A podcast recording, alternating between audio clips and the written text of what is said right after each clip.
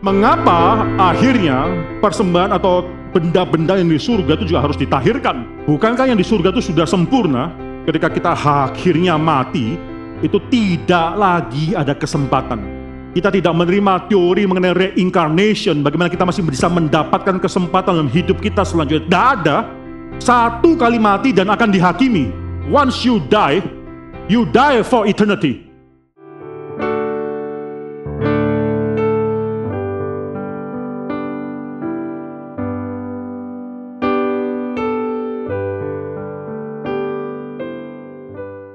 Mari kita membaca, saya akan membacakan, kita sudah berhenti pada ayat ke-22 terakhir kali, saya akan membacakan ayat yang ke-20 sampai 22. Lalu saudara membacakan ayat ke-23, saya membacakan 24 dan kita akan bertanggapan terus sampai ayat yang ke-28. Demikianlah firman Tuhan bagi kita pada malam hari ini. Dia berkata, inilah darah perjanjian yang ditetapkan Allah bagi kamu, dan juga kema dan semua alat untuk ibadah dipercikinya, diperciki oleh Musa, secara demikian dengan darah. 22 dan hampir segala sesuatu disucikan menurut hukum Taurat atau sesuai dengan perintah hukum Taurat dengan darah dan tanpa penumpahan darah. Tidak ada pengampunan. 23.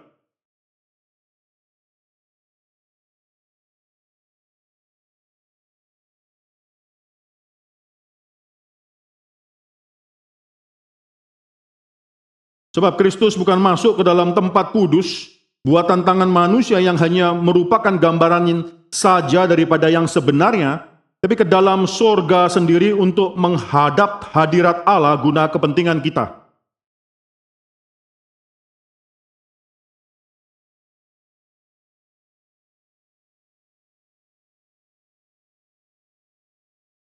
Sebab jika demikian ia harus berulang-ulang menderita sejak dunia ini dijadikan, tetapi sekarang ia hanya satu kali saja menyatakan dirinya pada zaman akhir untuk menghapuskan dosa oleh korbannya,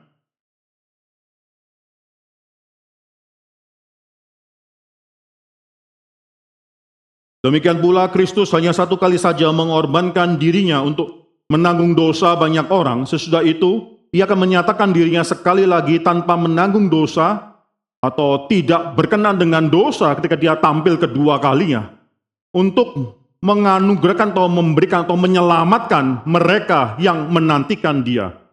Terus sebelum kita masuk dalam doa dan mendengarkan firman Tuhan, saya akan membawa suatu tayangan berkenaan dengan suatu lagu yang sangat indah sekali. Ini lagu yang sangat sederhana daripada Maliaki pasal yang ketiga ketiga.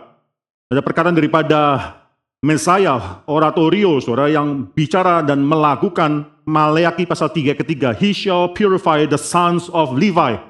Saudara dengarkan suatu puji-pujian yang berkenaan dengan siapa Kristus. Kalau saudara memperhatikan selama ini mengenai siapa Kristus, saudara akan lebih appreciate lagu ini.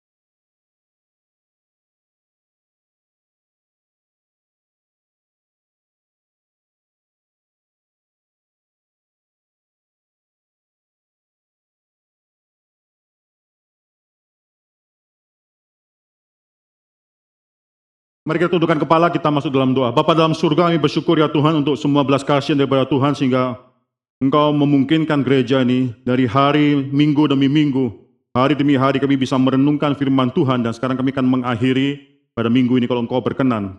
Ibrani pasal yang ke-9. Ya Tuhan, pada akhir daripada Ibrani pasal 9 ini ajar kami untuk bisa melihat siapa Kristus sebagai satu mediator yang lebih baik, yang lebih tinggi daripada seluruh mediator-mediator, imam-imam yang pernah ada datang sebelumnya. Kami bersyukur karena keselamatan kami sudah dikerjakan dengan tuntas. Satu kali dia mati untuk selama-lamanya. Satu kali dia masuk ke dalam tempat yang maha kudus adalah takhta Tuhan di surga sendiri. Maka keselamatan kami adalah satu keselamatan yang sudah dituntaskan satu kali untuk selama-lamanya. Kami bersyukur karena dia adalah the better mediator. Menyerahkan pemberian firman Tuhan pada sore hari ini dalam tangan Tuhan. Dalam nama Tuhan Yesus Kristus kami berucap syukur. Amin. Kalau saya perhatikan sudah berminggu-minggu kita bicara mengenai Kristus itu adalah the better mediator. Dia adalah mediator pengantara yang lebih baik. Dia adalah pengantara kalau saya perhatikan dalam Ibrani pasal yang ke-8 ayat yang ke-6 di sana dikatakan bahwa ia adalah pengantara dari pada suatu perjanjian yang lebih mulia, satu perjanjian yang lebih baik. Suatu perjanjian yang lebih baik daripada yang yang perjanjian yang lama tersebut. Dalam bahasa Inggrisnya, saudara, the covenant he mediates yang dimediasikan oleh dia suatu covenant, perjanjian yang lebih baik tersebut. Dalam Ibrani pasal 7 ayat ke-22, kalau saya perhatikan di sana ada suatu kalimat yang sangat penting sekali, yaitu Kristus, Yesus adalah jaminan, suatu surety, suatu jaminan, sudah daripada suatu perjanjian yang lebih kuat. Ibrani berulang-ulang kali, kalau saya perhatikan kok kayak terus mengulangi, mengulangi konsep-konsep saya rasa ini bukan mengulangi konsep, tapi satu seperti suatu spiral, bukan cuma spiral saja, tapi yang semakin lama spiral itu makin dalam dan makin dalam mengupas mengenai siapa Kristus dan mengapa kita perlu suatu perjanjian yang baru. Bukan cuma saya mengapa kita perlu suatu perjanjian yang baru dan mengapa Kristus adalah mediator yang lebih baik suatu perjanjian yang baru ini. Perhatikan, saudara, minggu lalu kita sudah mengatakan suatu hal dalam Ibrani pasal 9 ayat ke-15. Ibrani pasal 9 ayat ke-15 itu adalah pertama kali secara eksplisit penulis Ibrani mengatakan bahwa Kristus itu adalah pengantara daripada perjanjian baru. Itu dia katakan secara eksplisit. Kristus adalah mediator of the new covenant. Suatu perjanjian baru, saudara. Maka di sini, saudara, ada berbagai macam alasan yang penulis Ibrani katakan. Kita akan memikirkan, mengulangi, refresh our memory, summarize atau mengintisarikan semua alasan-alasan tersebut dan hari ini, saudara perikop yang kita baca itu memberikan alasan sekali lagi penulis Ibrani mengulangi lagi dan memperdalam, memberikan suatu pengertian lebih mendalam mengenai siapa Kristus. Ayat yang 15 ayat ke-22 itu membicarakan mengenai kaitan antara kematian dan darah. Itu terlalu penting dalam konsep daripada penulis Ibrani. Kristus adalah mediator yang lebih baik itu dilihat daripada kematiannya dia dan darah yang dia berikan tersebut. Maka saudara tahu bahwa yang mati itu adalah pemwaris yang menuliskan ahli waris. Luar biasa sekali penulis Ibrani mengatakan perjanjian baru itu adalah suatu hal yang sangat legal. Tidak perlu orang-orang Yahudi itu merasa itu suatu hal yang ilegal yang tidak seperti biasanya atau tidak seperti pengharapan dari tradisi mereka. Karena yang membuat warisan tersebut itu sudah meninggal. Maka sekarang dia berhak untuk membuka warisan yang baru atau yang dikatakan oleh penulis Ibrani membedakan antara covenant, yakni perjanjian dan juga akhirnya bicara mengenai suatu warisan, saudara. Penulis Ibrani dengan luar biasanya menggunakan dari satu kata Ibrani yang sama, dua nuans yang berbeda. Yaitu suatu perjanjian yang baru, suatu warisan yang baru. Itu karena yang menulis wasiat warisan tersebut sudah mati. Tuhan ini luar biasa penulis Ibrani sangat kreatif sekali dan dalam mengatakan mengapa perjanjian yang baru suatu hal yang perlu ada. Karena kematian daripada yang membuat perjanjian. Dan dia mengatakan, saudara, tanpa secara eksplisit dia sudah mengatakan bahwa Kristus adalah Allah yang membuat perjanjian tersebut. So, saya tidak mengulangi hal ini lagi. Minggu lalu sudah katakan dalam membuat perjanjian bicara mengenai suatu wasiat. Itu ada tiga hal yang penting. Yang pertama adalah siapa yang membuat wasiat tersebut. Yang kedua adalah siapa yang akan menerima wasiat tersebut. Dan yang ketiga adalah isi daripada wasiat tersebut. Kita bersyukur karena isi daripada wasiat itu berkenaan dengan kita semua ahli waris yang menerima wasiat tersebut.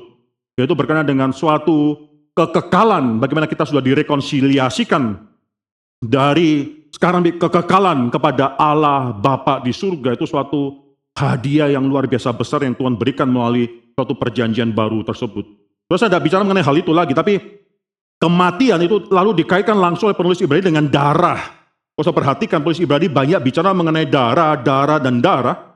Ayat 18 sampai ayat ke-22 itu ada suatu struktur kiastik yang saya tidak bicarakan di sini, tapi dalam ayat ke-18 ayat 22, ayat 20 itu menjadi inti, saudara. Ya, dalam struktur kiastik tersebut, ayat 20 menjadi inti. Dan kalau kita baca dalam Ibrani pasal 9 ayat ke-20, maka inti daripada struktur kiastik tersebut adalah suatu perkataan yang Musa katakan ketika dia menciprati orang Israel dengan darah, menciprati segala sesuatu dengan darah, maka Musa mengatakan, ini dikutip daripada keluaran 24 ayat ke-8, inilah darah perjanjian yang ditetapkan oleh Allah bagi kamu.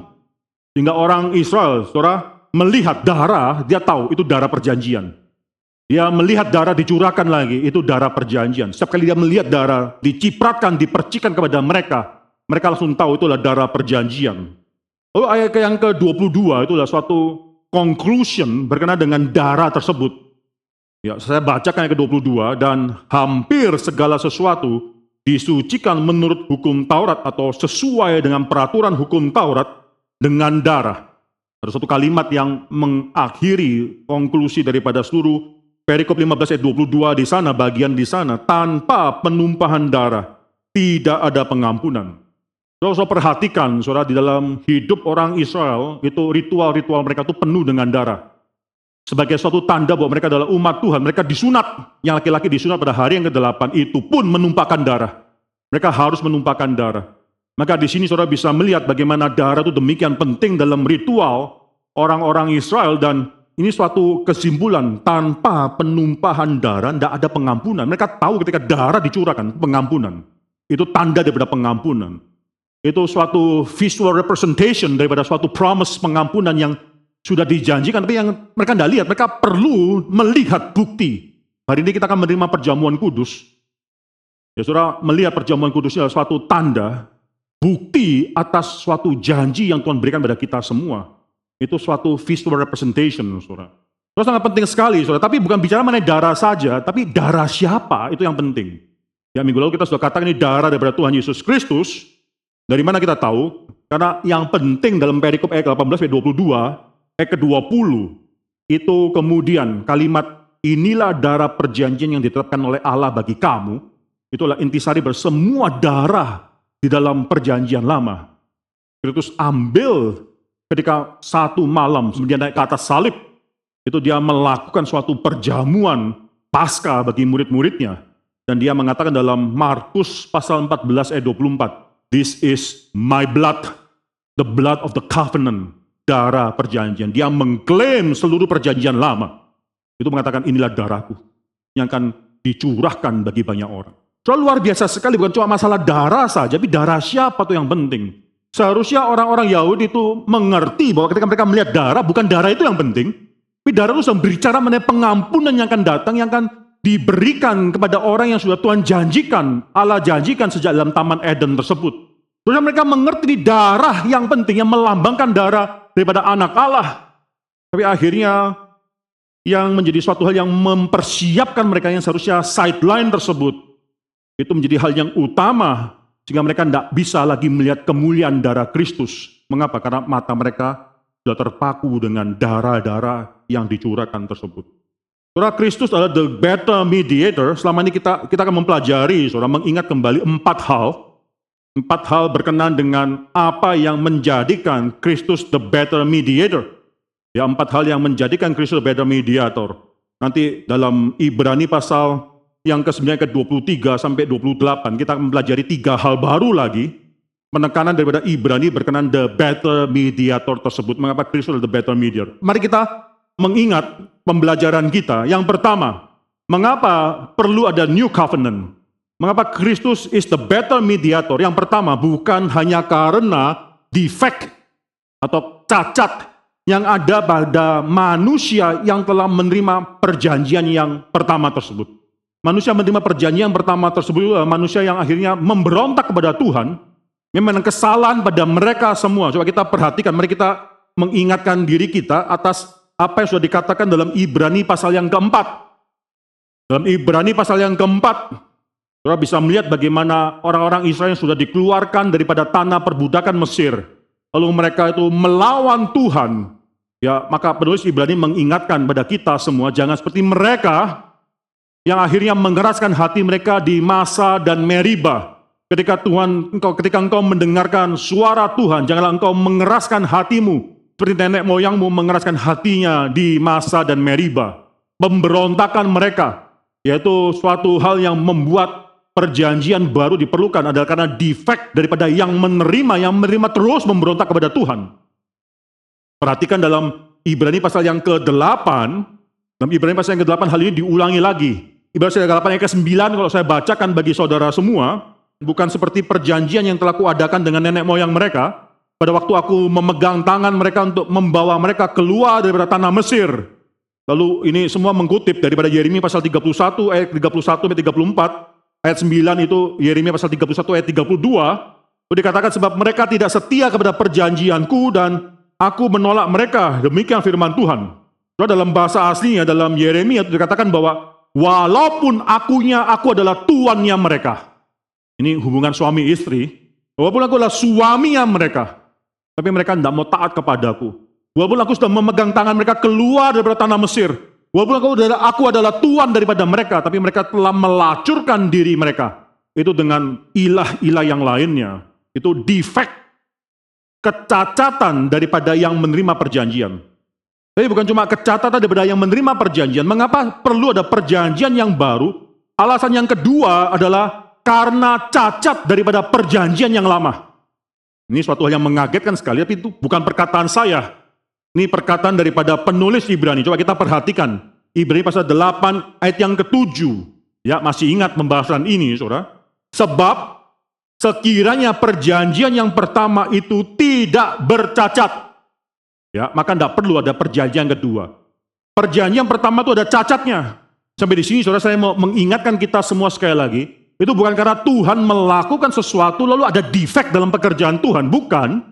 Tapi cacat dalam perjanjian yang pertama ini itu harus dimengerti secara komparatif. Ketika dibandingkan dengan suatu perjanjian yang baru, maka yang perjanjian lama ini tidak ada bandingnya. Kalah, kalah mulia dengan perjanjian yang baru.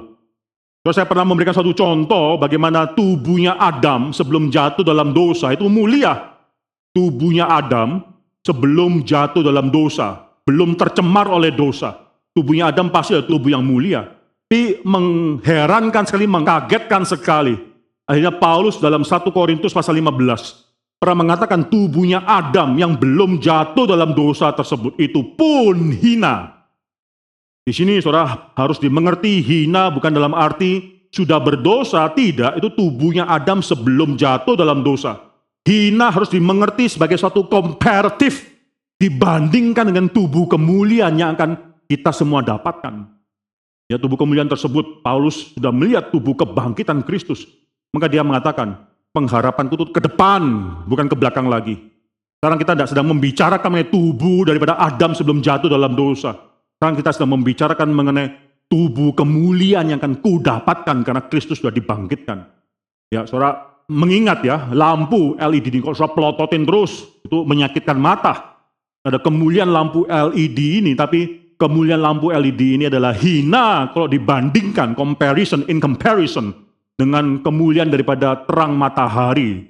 Itu beda sekali, saudara. Maka di sini saya percaya, kecacatan daripada defect cacat daripada perjanjian yang lama tersebut itu adalah karena dibandingkan dengan apa yang sudah dijanjikan bagi kita dalam perjanjian yang baru yang kita terima, saudara itu tidak bisa dibandingkan. Jadi yang pertama, saudara cacat defect daripada mereka yang menerima perjanjian. Yang kedua, defect daripada perjanjian itu sendiri. Yang ketiga, saudara, karena adalah defect daripada imam-imamnya. Jadi satu yang sangat penting sekali, defect daripada imam-imamnya ini Saudara perhatikan dalam Ibrani pasal ke-7, Kristus sebagai imam besar dibandingkan dengan imam-imam yang lainnya daripada suku Lewi. Maka saudara bisa melihat, saya tidak usah baca semua, tapi kita mari memperhatikan beberapa ayat-ayat yang terakhir. Pasal 7 ayat yang ke-20. Itu suatu hal yang menegaskan suatu perbedaan. 20-21. Sama seperti hal ini tidak terjadi tanpa sumpah, memang mereka, itu banyak sekali imam-imam tersebut, mereka telah menjadi imam tanpa sumpah ayat 21. Tetapi ia Kristus dengan sumpah diucapkan oleh dia Bapa yang berfirman kepadanya, Tuhan telah bersumpah dan ia tidak akan menyesal. Engkau adalah imam untuk selama-lamanya. Saudara per, melihat perbedaan ini. Kristus dibandingkan imam-imam yang lain itu itu defektif imam-imam yang lain karena mereka tidak pernah diangkat dengan sumpah. Tapi Kristus itu diangkat sebagai imam dengan sumpah. Ini sudah perbedaan kualitatif difference. Bukan cuma itu saja, saudara perhatikan yang kedua ayat yang ke-23, 24, 25. Saudara-saudara perhatikan di sini. 23 dan dalam jumlah yang besar mereka telah menjadi imam. Mengapa imam itu ada banyak? Mengapa imam tidak bisa satu? Banyak di sini bagi penulis Ibrani itu menunjukkan bahwa mereka defektif. Mengapa mereka banyak sekali dan harus diatur turun temurun siapa yang bisa menggantikan mereka sebagai imam? Perhatikan yang ke-23, dalam jumlah yang besar, dalam jumlah yang banyak. Mereka telah menjadi imam karena mereka dicegah oleh maut untuk tetap menjadi imam selama-lamanya. Tidak bisa jadi imam selama-lamanya. Karena dosa. Imamnya defektif. Imamnya ada cacat celah. Jadi kalau saya perhatikan ayat ke-24. Tetapi ia, Kristus, sekarang dikatakan Kristus dibandingkan dengan Kristus. Tetap selama-lamanya. Imamatnya tidak dapat beralih kepada orang lain. 25. Karena itu ia sanggup juga untuk menyelamatkan kita semua dengan sempurna. Semua orang yang oleh dia datang kepada Allah, oleh karena pekerjaan dia datang kepada Allah Bapa. Sebab ia hidup senantiasa untuk menjadi pengantara mereka. Saudara ini, saudara bisa melihat, ini karena saudara dibandingkan langsung defect di dalam imam-imam yang lama. Yang ketiga, bicara mengenai defect dalam imam-imam yang lama, saudara perhatikan ayat yang ke-27, saudara perhatikan ayat ke-27, imam-imam besar lainnya yang setiap hari itu harus mempersembahkan korban untuk dosanya sendiri. Dan sesudah itu baru untuk dosa umatnya. Mereka pun tidak pernah bisa mewakili seluruh umat Tuhan itu menghadap Tuhan. Mereka pun adalah orang yang berdosa. Mereka harus melakukan persembahan atau korban persembahan untuk dosanya sendiri. Ini saudara melihat lagi dalam Ibrani pasal yang ke-9 ayat yang ke-7 ini diulangi sekali lagi oleh penulis Ibrani. Tetapi ke dalam kemah yang kedua hanya imam besar saja yang masuk sekali setahun dan harus dengan darah yang ia persembahkan karena dirinya sendiri dan karena pelanggaran-pelanggaran yang dibuat oleh umatnya dengan tidak sadar. Bahkan dia harus mempersembahkan korban bagi dirinya sendiri. Kristus tidak demikian, saudara. Kristus tidak perlu mempersembahkan korban bagi dirinya sendiri. Saudara akan melihat satu hal yang penting sekali bahwa Kristus Bukan mati karena dosanya dia. Terus mati karena dosanya kita. Itu yang membedakan kematian Kristus dengan kematian daripada seluruh manusia, bahkan yang paling suci sekalipun imam-imam. Saudara sampai di sini, saudara mari kita memperhatikan satu ayat daripada Ibrani pasal 9 ke 22 ada satu kalimat, hampir segala sesuatu disucikan sesuai dengan peraturan atau tuntutan daripada hukum Taurat harus disucikan dengan darah.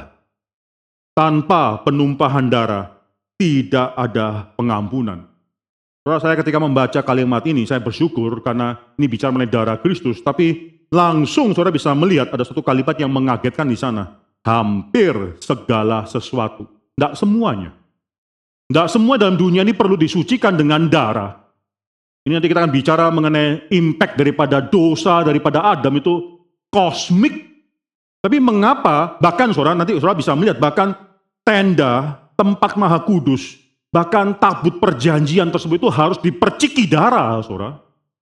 Saudara kita akan melihat alasannya mengapa saudara. Itu semua harus disucikan dengan darah. Tapi mengapa dikatakan hampir saudara? Mengapa tidak semuanya tapi hampir ada yang tidak. Maka ketika kita merenungkan hal ini, maka mau tidak mau kita menyimpulkan ada satu yang tidak perlu disucikan dengan darah, yaitu Kristus sendiri. Hanya satu, Kristus anak Allah hadir dalam dunia ini, tidak perlu dia disucikan dengan darah. Memang Kristus dibaptis, dan dia sendiri mengatakan bahwa saya harus dibaptikan sesuai dengan hukum Taurat.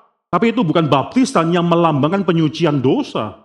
Tidak ada dosa dalam diri Kristus sehingga dia harus disucikan dengan darah. Dengan air dan seterusnya, tidak ada. Justru karena dia tidak ada dosa, sehingga dia akhirnya tidak perlu disucikan dengan darah. Sehingga darahnya bisa menyucikan yang lainnya. Itu suatu hal yang sangat penting sekali. Hampir segala sesuatu harus disucikan dengan darah. Ada yang tidak, yaitu Kristus sendiri. Walaupun dia datang dengan tubuh materi, tubuhnya tidak perlu disucikan dengan darah. Maka saya pernah katakan di atas mimbar ini, saya percaya ketika Kristus datang dalam dunia, anak Allah inkarnasi, dia mengambil itu natur manusia, tubuh dan jiwa atau roh dari manusia. Saya percaya itu dalam kondisi seperti Adam yang belum jatuh dalam dosa belum tercemar oleh dosa. Tubuh dan jiwa atau rohnya tersebut itu belum tercemar oleh dosa. Kita tidak bisa mengatakan bahwa tubuhnya Kristus karena lahir melalui Maria maka sudah tercemar oleh dosanya Maria. Kalau itu dia sudah tidak mungkin menjadi dombanya Allah. Karena dombanya Allah itu harus diperhatikan sampai tidak ada cacatnya itu baru bisa dipersembahkan kepada Allah. Saudara perhatikan dalam Ibrani pasal 9. Ibrani pasal 9 ayat yang ke-14. Ini kita pernah katakan ayat ini, ini sangat penting sekali. Betapa lebihnya darah Kristus yang oleh roh yang kekal telah mempersembahkan dirinya sendiri kepada Allah sebagai persembahan yang tidak bercacat. Itu Alkitab sudah katakan. Saudara, ini satu-satunya yang tidak perlu disucikan oleh darah adalah eksistensi atau keberadaan Kristus di dalam dunia ini. Seluruhnya itu tidak perlu disucikan oleh darah. Kalau Kristus sendiri harus disucikan oleh darah sesuai dengan hukum Taurat.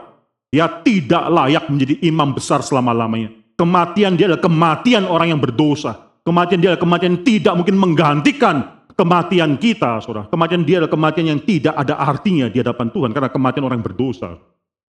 Maka saudara harus mengerti satu hal, penulis Ibrani mengatakan hampir semua harus disucikan dengan hukum Taurat itu besar kalimat tersebut. Itu bicara mengenai satu-satunya pengharapan kita yang tidak perlu disucikan menurut hukum Taurat.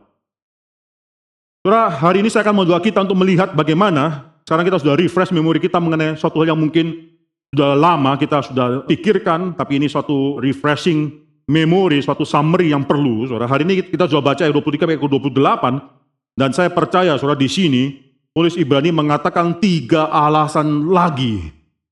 Ya, ini bukan alasan yang baru, tapi seperti spiral yang terus bergerak, itu terus lagi membahas, makin lama semakin mendalam.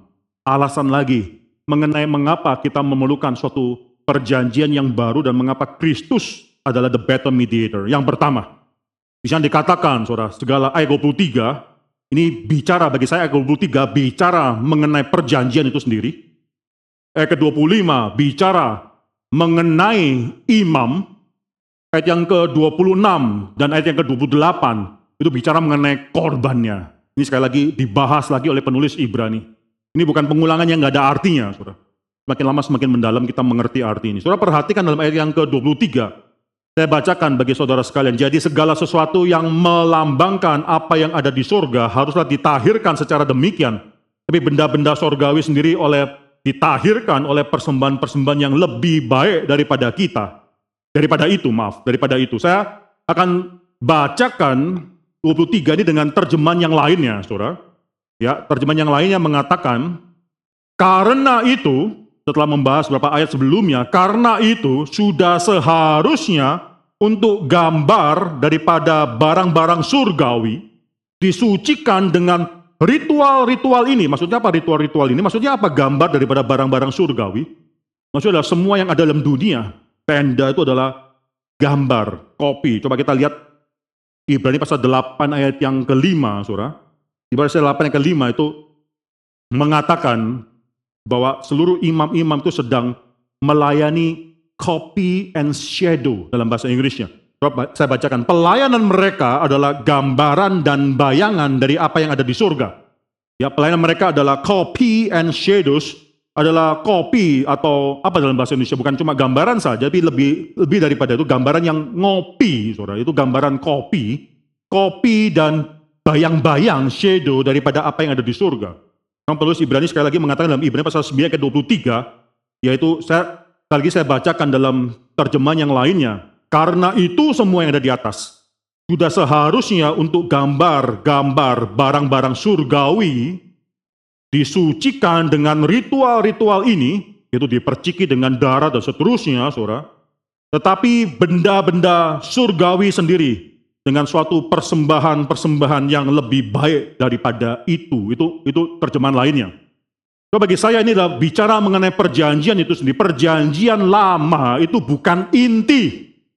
Sekali lagi, perjanjian lama itu sedang membicarakan mengenai inti daripada iman. Sayangnya, saudara, itu akhirnya orang-orang Yahudi menganggap itu adalah inti daripada iman mereka. Seluruh ritual-ritual, seluruh imam-imam, seluruh old covenant priests and priesthood and sacrifice and tabernacles and everything. Itu semua jadi inti iman mereka. Penulis Ibrani mengatakan, perjanjian lama itu cuma bayang-bayang daripada apa yang akan datang. Apa yang kau lakukan semua ini, itu cuma di sini, hanya ini bukan melambangkan, tapi dalam bahasa Asia ayat 23 itu adalah bayang-bayang daripada benda-benda yang dari surga. Tabernacle itu sendiri cuma gambaran daripada apa yang di surga. Tuhan menyuruh Musa untuk membuat tabernacle sesuai dengan pattern, pola yang kau lihat di surga yang dinyatakan kepadamu. Jadi tabernacle tersebut ada lataran pelatarannya, ada tempat kudus, lalu ada tempat kudus yang maha kudus, diletakkan di tengah-tengah daripada umat Tuhan. Itu gambaran daripada sorga. Sekali lagi saudara ini bukan New Platonism, bukan Platonism, bukan New Platonism. Karena nanti surga sendiri pun, salah satu alasan saya katakan, dalam Ibrani pasal 8 yang kedua, surga sendiri pun dikatakan sebagai tenda.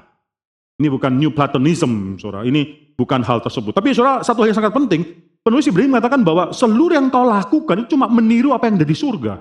Itu bukan intinya, itu hanya meniru apa yang ada di surga. Perjanjian baru dengan imam besar masuk ke dalam tempat yang maha kudus, takhta Allah, sekali untuk selama-lamanya. Itulah inti daripada iman perjanjian baru. Itu finalitas daripada pekerjaan Kristus, itu intinya. Maka apa yang kau banggakan sekarang itu nothing more than just copy and shadows daripada apa yang ada di surga. Jangan itu menjadikan suatu hal yang lebih utama. Patong berkali-kali mengatakan dalam pelayanan kita, kita bukan cuma melakukan, merencanakan apa yang harus kita lakukan, tapi pikirkan mengenai set effect. Yaitu efek yang mungkin terjadi yang tidak kita pikirkan, yang kemungkinan akan take control, akan overshadowing daripada the real intended main agenda. Itu mungkin sangat terjadi. Patong mengatakan, pikirkan mengenai set effect. Harus seluruh pelayan Tuhan ketika memikir sesuatu memikir mengenai side effect. Itu patong tekankan. Soalnya ketika saya memikirkan mengenai ayat-ayat ini, saya merasakan, saudara, orang-orang Yahudi itu sudah miss the point. Mereka akhirnya membanggakan mengenai tabernacle mereka. Mereka membanggakan mengenai temple mereka. Padahal di temple mereka sudah tidak ada kehadiran Tuhan. Itu sudah nyatakan tidak ada kehadiran Tuhan di sana. Tidak ada tabut perjanjian di sana. Tidak ada kehadiran Tuhan. Engkau membuat tempel daripada Tuhan itu sepuluh kali lipat. Tidak ada kehadiran Tuhan di sana. Apa yang kau banggakan? And yet, mereka membanggakan copy and shadows. Mereka membanggakan pelayanan mereka daripada imam-imam mereka, sacrifice dan lain sebagainya. Tapi semua adalah pelayanan daripada apa yang ada di surga, realitas yang ada di surga. Jadi mengapa menunjukkan bagi kita semua perjanjian yang baru itu lebih final. Perjanjian yang baru itu bukan yang belakangan, itu adalah the reality. Perjanjian yang lama memang datang terlebih dahulu, tapi untuk mempersiapkan orang-orang untuk melihat the final reality, the true, the only one reality, the only one, the only reality. Maka di sini saudara sayang sekali bahwa mereka akhirnya melihat perjanjian lama yang karena datang duluan itu harus diutamakan. Cuma copy dan shadows. Only copy dan shadows. Saudara perhatikan ayat ke-23 saya bacakan sekali lagi saudara. Ayat terjemahan lainnya saudara, terjemahan lain. Oleh karena itu sudah seharusnya untuk gambar-gambar benda-benda surgawi, yaitu kopi dari benda-benda surgawi, semua yang dalam dunia ini itu harus disucikan dengan ritual-ritual ini. Tapi ayat berikutnya itu sulit untuk bisa dimengerti, saudara. Tetapi benda-benda surgawi itu sendiri dengan suatu persembahan, persembahan yang lebih baik daripada itu. Bahkan benda-benda di surgawi tersebut juga harus disucikan. Ini yang mengagetkan. Ini perkara beberapa penulis Ibrani. Kalau kita baca LAI, saudara, kita baca LAI, um, ada beberapa kata yang mungkin kita bisa insert dalam LAI tersebut, saudara. Jadi segala sesuatu yang melambangkan atau kopi daripada apa yang di surga, benda-benda di surga, harus ditahirkan dengan ritual-ritual yang demikian. Tetapi benda-benda surgawi itu sendiri ditahirkan oleh persembahan-persembahan yang lebih baik daripada itu. Itu maksudnya di sana. Mengapa akhirnya persembahan atau benda-benda yang di surga itu juga harus ditahirkan? Bukankah yang di surga itu sudah sempurna? Bukan yang di surga itu sudah suci, mengapa harus ditahirkan juga? Ada minimal tiga interpretasi di sini berkenaan dengan ayat yang ke-23 ini. Ada minimal tiga interpretasi berkenaan dengan ayat ke-23 ini. Yang pertama mengatakan bahwa ini bukan bicara mengenai benda-benda di surga, surga itu sendiri yang perlu disucikan, karena surga itu penuh dengan dosa, tapi ini bicara mengenai Kristus ketika datang ke surga, itu menginaugurasikan atau meresmikan surga itu sebagai suatu sanctuary bagi anak-anak Tuhan. Ya ini gaya bahasa saja, itu Kristus atau surga, benda-benda di surga harus ditahirkan dengan persembahan yang lebih baik itu maksudnya Kristus menginaugurasikan surga. Saudara saya kurang menerima tafsiran ini, saudara, karena satu ayat yang penting atau satu kata yang penting, yaitu kata ditahirkan. Ya kita baca dari ayat ke-23, jadi segala sesuatu yang melambangkan apa atau yang adalah kopi dari apa yang di surga ini harus disucikan secara demikian, tetapi benda-benda surga itu sendiri harus disucikan oleh persembahan-persembahan yang lebih baik daripada itu. Saudara kata disucikan di sini itu tidak bisa diplesetkan, diartikan sebagai inaugurasi. Tidak, karena ini kata disucikan ini adalah kata yang sama yang dipakai dalam ayat yang ke-22.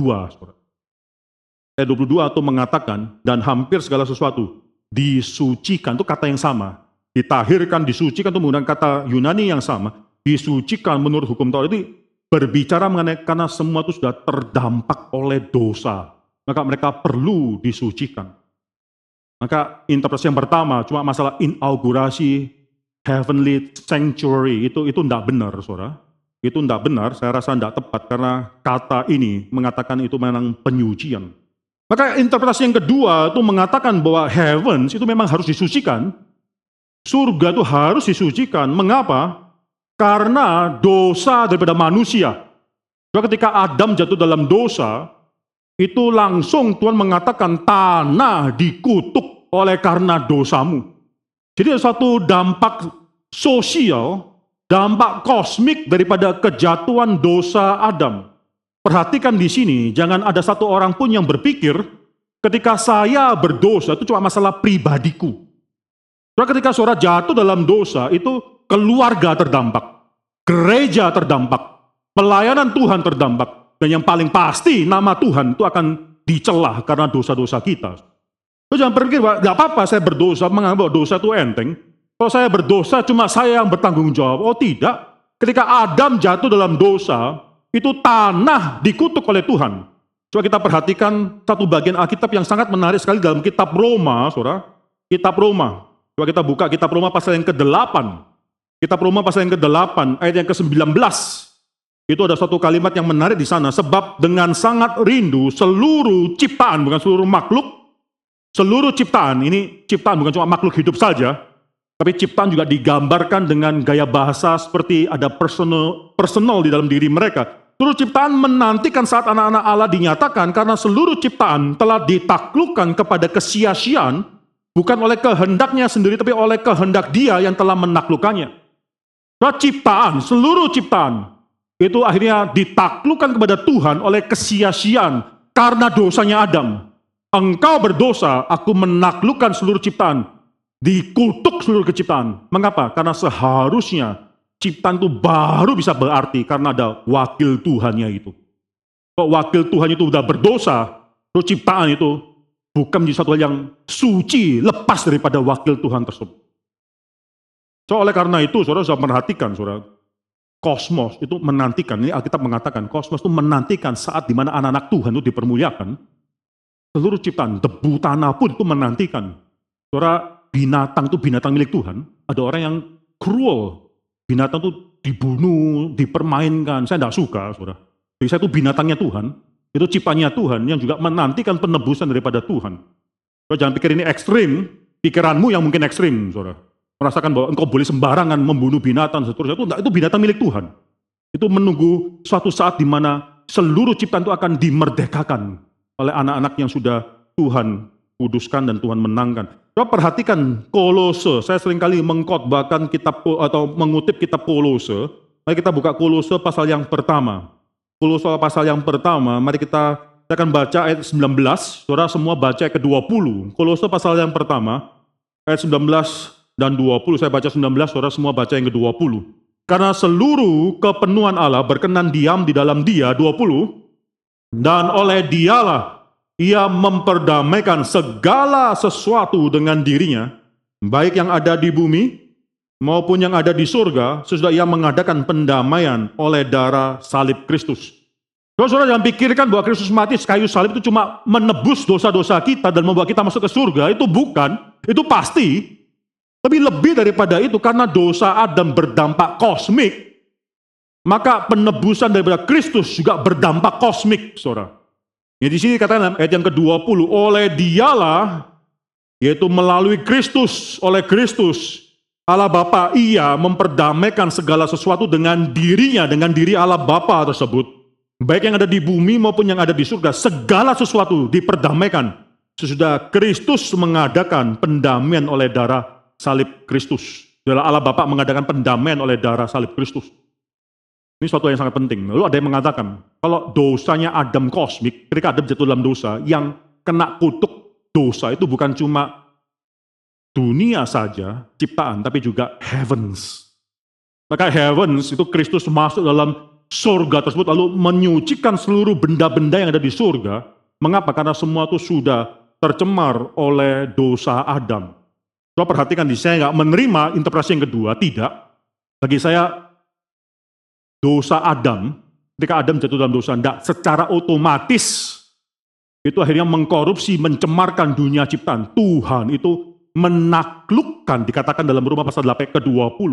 Tuhan menaklukkan seluruh ciptaan kepada kesia-siaan. Itu tergantung the will of God.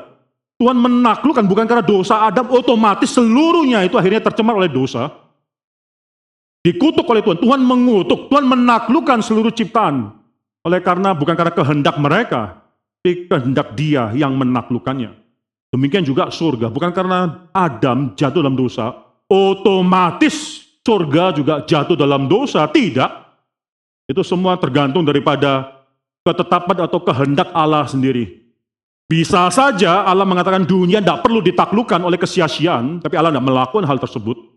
Ketika wakil Tuhan ini sudah jatuh dalam dosa, Tuhan menaklukkan seluruh ciptaan kepada kesia-siaan. Tapi tidak pernah dikatakan satu kali pun dalam Alkitab, Tuhan juga menaklukkan surga kepada kesia-siaan. Tidak pernah. Jadi saudara saya tidak menerima interpretasi yang kedua karena saya akan memberikan suatu wewenang bagi dosa Adam itu untuk mentaklukkan dunia dan menaklukkan surga. Tidak demikian. Maka saya percaya interpretasi yang ketiga, saudara, itu bicara mengenai bagaimana umat Tuhan itu perlu dibersihkan. Saudara ini sangat penting sekali, saudara. Saya mengatakan ini dengan harus hati-hati karena saudara kalau tidak bisa salah mengerti. Memang faktanya menunjukkan kita berbeda dengan Roma Katolik, di mana orang yang berdosa itu mendapatkan pembenaran itu hanya satu kali saja. Kita bukan semakin lama semakin dibenarkan, bukan itu, saudara.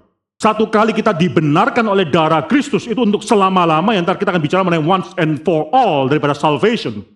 Kita bukan bicara seperti orang Katolik yang mengatakan bahwa pembenaran itu bisa terus-menerus semakin lama semakin dibenarkan. Tapi fakta menunjukkan suatu hal yang penting, ketika kita sudah dibenarkan, kita tidak terlepas daripada Kristus yang membenarkan kita. Ya, tidak ada satu orang Kristen pun yang bisa memikirkan bahwa saya sudah dibenarkan oleh karena itu saya hidup sembarangan, hidup lepas daripada Kristus. Tidak ada. Kalau kita sudah dibenarkan, kita mengatakan kita disatukan kepada Kristus. Kita tidak bisa dilepaskan pada Kristus. Maka, oleh karena itu, ini interpretasi yang ketiga. Mengapa yang di surga itu juga perlu dibersihkan? Karena kita akan hadir di surga. Karena kita akan masuk ke dalam hadirat di surga. Kristus membawa seluruh umat Tuhan itu masuk menghadap kepada Tuhan. Dialah imam besar. Dia sudah membuka jalan dan membuka tabir yang memisahkan tempat kudus dan tempat maha kudus. Semua umat Tuhan akan dibawa masuk ke tempat yang maha kudus. Oleh karena itu surga, karena kehadiran kita yang berdosa, itu juga perlu ditahirkan atau disucikan. Itu perkara pada Ibrani di sini. Itu bukan mengatakan bahwa nanti kita masih mengharapkan penebusan lagi, atau kita masih mengharapkan juga nanti ada pembenaran lagi. Bukan. Usah perhatikan nanti belakangan itu dikatakan pembenaran tersebut daripada dosa itu once and for all. Coba kita lihat ya. Kita lihat dari ayat yang ke-25, nanti kita bahas lagi, tapi kita singgung sedikit di sini, saudara. Ya, ini ayat 24 dan ia bukan masuk untuk berulang-ulang kali mempersembahkan dirinya sendiri sebagai imam besar setiap tahun masuk dalam tempat kudus dengan darah yang bukan darah sendiri. Ayat yang ke-26. Sebab jika demikian ia harus berulang-ulang menderita sejak dunia dijadikan, tetapi sekarang ia hanya satu kali menyatakan dirinya pada zaman akhir untuk menghapuskan dosa oleh korbannya. Saudara kata satu kali di sana itu harus kita rubah itu satu kali dan untuk selama-lamanya itu maksudnya once and for all itu keluar di sana. Ini yang membedakan kita dengan doktrin daripada Roma Katolik. Karena penebusan Kristus itu once and for all. For eternity. Satu kali dia harus mengorbankan diri. Alkitab mengatakan di sini, penulis Ibrahim mengatakan kalau dia harus kemudian membenarkan kita lagi. Membenarkan kita lagi itu berarti dia harus menderita berulang-ulang kali sejak dunia diciptakan. Itu nonsense bagi penulis Ibrani. Dia sudah masuk satu kali dalam tempat yang maha kudus, tidak pernah keluar lagi. Itu menyatakan bahwa pembenaran itu satu kali. Maka di sini, saudara, ini penting sekali. Memang kita dibenarkan satu kali, tapi banyak sekali orang protestan yang akhirnya hidup itu tidak bisa bertumbuh, karena akhirnya melepaskan pembenaran itu daripada realitas mereka dibenarkan dalam Kristus. Saya sudah dibenarkan, Ya sudah, lalu terserah saya mau melakukan apa. Saya sudah dibenarkan dan saya sudah disatukan kepada Kristus. Itu maksud yang lebih tepat di sana, union with Christ.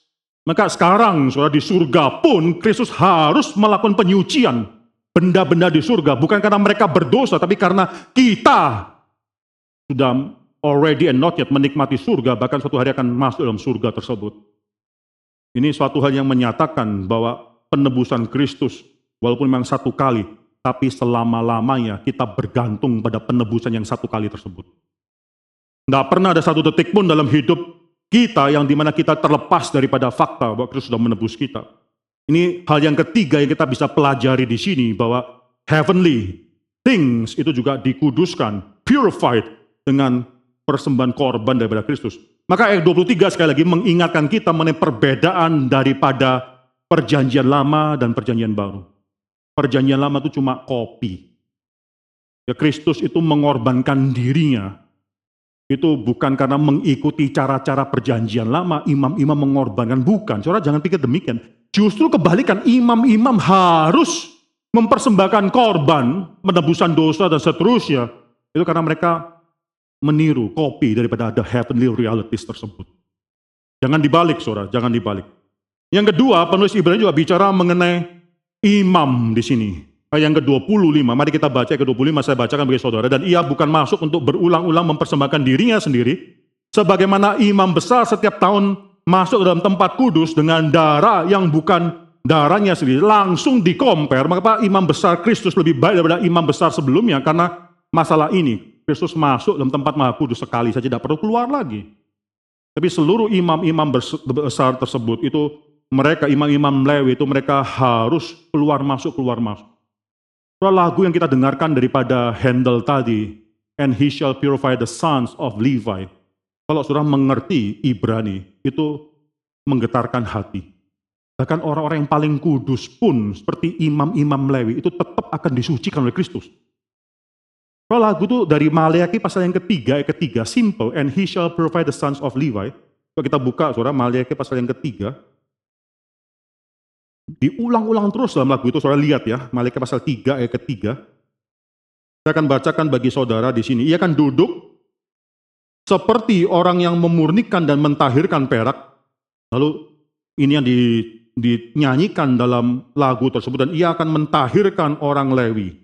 Kata yang sangat simpel. Ia akan mentahirkan orang Lewi, menyucikan mereka seperti emas dan seperti perak, supaya mereka jadi orang-orang yang mempersembahkan korban yang benar kepada Tuhan. Saudara perhatikan di sini. Bukan Kristus yang perlu imam-imam Lewi. Imam-imam Lewi itu yang perlu Kristus. Bahkan imam besar itu tidak bisa menyucikan dirinya. Kristus tidak perlu disucikan. Dia adalah satu-satu yang tidak perlu disucikan dengan darah sesuai dengan hukum Taurat. Dia yang menyucikan. Bahkan demikian total dia menyucikan. Alkitab Malaikat mengatakan, dia menyucikan the sons of Levi anak-anak daripada Lewi, suku itu uh, imam-imam bahkan keturunan Harun, imam besar tersebut. Lagu tadi waktu dinyanyikan simple, tapi itu salah satu lagu yang paling sulit dinyanyikan di dalam Mesaya, saudara. Coba nyanyi lagu itu, ya, coba ikut Jos, atau suatu hari saya mengharapkan di Geri Karawaci bisa menyanyikan lagu itu, terlalu sulit lagu tersebut. Saudara, pekerjaan Kristus seakan-akan simple, menyucikan bahkan orang Levi, tapi demikian sulit Kristus bisa melakukan, sampai harus bisa melakukan hal tersebut. Itu melalui satu ketaatan aktif seumur hidup yang demikian sulit. Tapi pada akhirnya, yang Kristus lakukan itu tidak bisa dibandingkan dengan orang-orang imam-imam suku Lewi yang lainnya. Mereka bahkan perlu pengampunan dosa daripada Kristus. And he shall purify the sons of Levi. Perbedaan daripada imam besar. Yang ketiga, yang terakhir, perbedaan daripada sacrifice, sekali lagi dikatakan di sini. Seluruh imam-imam besar itu masuk setiap tahun membawa korban yang sama. Coba perhatikan pasal 10 ayat yang ke-11. Ya pasal 10 ayat ke-11. Selanjutnya setiap imam berdiri melakukan tiap-tiap hari pelayanan dan berulang-ulang mempersembahkan korban yang sama yaitu terus anak domba, domba, anak domba, anak lembu terus domba ya, binatang-binatang itu terus korban yang sama yang sama sekali tidak dapat menghapuskan dosa. Mereka terus lakukan hal itu. Jadi coba kita baca ayat ke-26, ini langsung membedakan mengenai sacrifice. Sebab jika demikian, Kristus tidak melakukan hal tersebut. Jika dia tidak perlu keluar masuk, jika demikian dia harus berulang-ulang menderita, ini bicara mengenai korban. Bahwa Kristus bukan cuma imam besar saja, ia adalah the great sacrifice. Tapi dia tidak perlu keluar masuk berulang-ulang. Kalau demikian terjadi, maka dia harus berulang-ulang menderita sejak dunia dijadikan. Tetapi sekarang ia hanya satu kali saja menyatakan dirinya pada zaman akhir untuk menghapuskan dosa oleh korban. Jadi bicara korban, Kristus sebagai korban. Satu kali saja Kristus yang mengorbankan dirinya. Ayat yang ke-28, demikian pula Kristus hanya satu kali saja mengorbankan dirinya untuk menanggung dosa banyak orang. Ini bicara mengenai Kristus sebagai korban. Satu kali saja dia mengorbankan dirinya. Sangat penting sekali saudara, karena di sini saudara bisa melihat kalau Kristus terus-menerus membenarkan kita. Kita berdosa, perlu dibenarkan lagi. Kita berdosa, perlu dibenarkan lagi. Bagi penulis Ibrani, konsep pembenaran daripada Roma Katolik itu adalah membuat Kristus berulang-ulang menderita sejak dunia dijadikan. Itu omong kosong, tidak mungkin. Saudara, kita sering kali jatuh dalam dosa yang sama, dosa yang sama. Saudara, pada hari ini Firman Tuhan Ibrani mengatakan dosamu itu sudah diampuni once and for all. Jangan lagi hidup dalam dosa. Orang Kristen masih bisa lemah. Tapi bukan berarti orang Kristen terus menerus menghidupi dosa. Tidak. Dan kalau kita jatuh dalam dosa, itu yang dilakukan Kristus di atas kayu salib satu kali saja. Dia inkarnasi satu kali. Dia taat dan taat sampai mati satu kali saja. Dia naik ke surga itu the passive obedience atau segala sengsara dia di atas kayu salib, bahkan selama seumur hidup dia itu. Itu hanya satu kali saja, dia dibangkitkan satu kali saja, dia naik ke surga satu kali saja, dia duduk di atas takhta daripada sebelah kanan daripada Allah Bapa yang Maha Kuasa satu kali saja. Tidak perlu diulang-ulang, menandakan bahwa ini doktrin pembenaran protestan, khususnya orang reform, justified by once and for all declaration that you are sons of God already. Satu yang luar biasa sekali, saudara. Ini once and for all. Sangat membuat kita merasakan bahwa kita tuh sudah tidak pernah kehilangan keselamatan tersebut. Itu keselamatan yang sempurna yang sudah diberikan kepada kita. Saudara, hari ini saya menyelesaikan dengan suatu hal yang singkat yang mengatakan once and for all, ayat ke-26, saudara. Itu yang dikatakan bukan cuma satu kali saja, tapi satu kali untuk selama-lamanya yang terjadi hidup Kristus. Itu terjadi hidup manusia juga once for all-nya Kristus itu terjadi hidup manusia, baik manusia yang berdosa atau umat Tuhan. Itu juga terjadi once and for all. Ayat yang ke-27, nah ini berkenaan berbicara dengan mengenai manusia yang berdosa. Dan sama seperti manusia ditetapkan untuk mati hanya satu kali dan sesudah itu dihakimi. Menunjukkan di luar daripada Kristus ketika kita akhirnya mati, itu tidak lagi ada kesempatan. Kita tidak menerima teori mengenai reincarnation, bagaimana kita masih bisa mendapatkan kesempatan dalam hidup kita selanjutnya. Tidak ada. Satu kali mati dan akan dihakimi. Itu once and for all. Once you die, you die for eternity. Satu kali engkau mati, tidak ada lagi kesempatan yang lain lagi. Kesempatan untuk bertobat itu hanya sekarang ketika kita belum mati. Peganglah kesempatan tersebut ketika firman Tuhan mengatakan, kalau engkau mendengarkan suara Tuhan pada hari, janganlah engkau mengeraskan hatimu. Itu adalah suatu perintah daripada surga pada kita semua. Karena kesempatan untuk bertobat itu hanyalah satu kali. Dan sesudah itu akan dihakimi. Banyak orang yang mengatakan bahwa orang yang berdosa itu mati dua kali mati fisik satu kali, setelah itu mati kekal selama-lamanya. Itu ada benarnya tentunya di sana. Tapi saya mau katakan satu hal ini. Banyak orang yang berdosa, semua orang yang berdosa itu mati satu kali.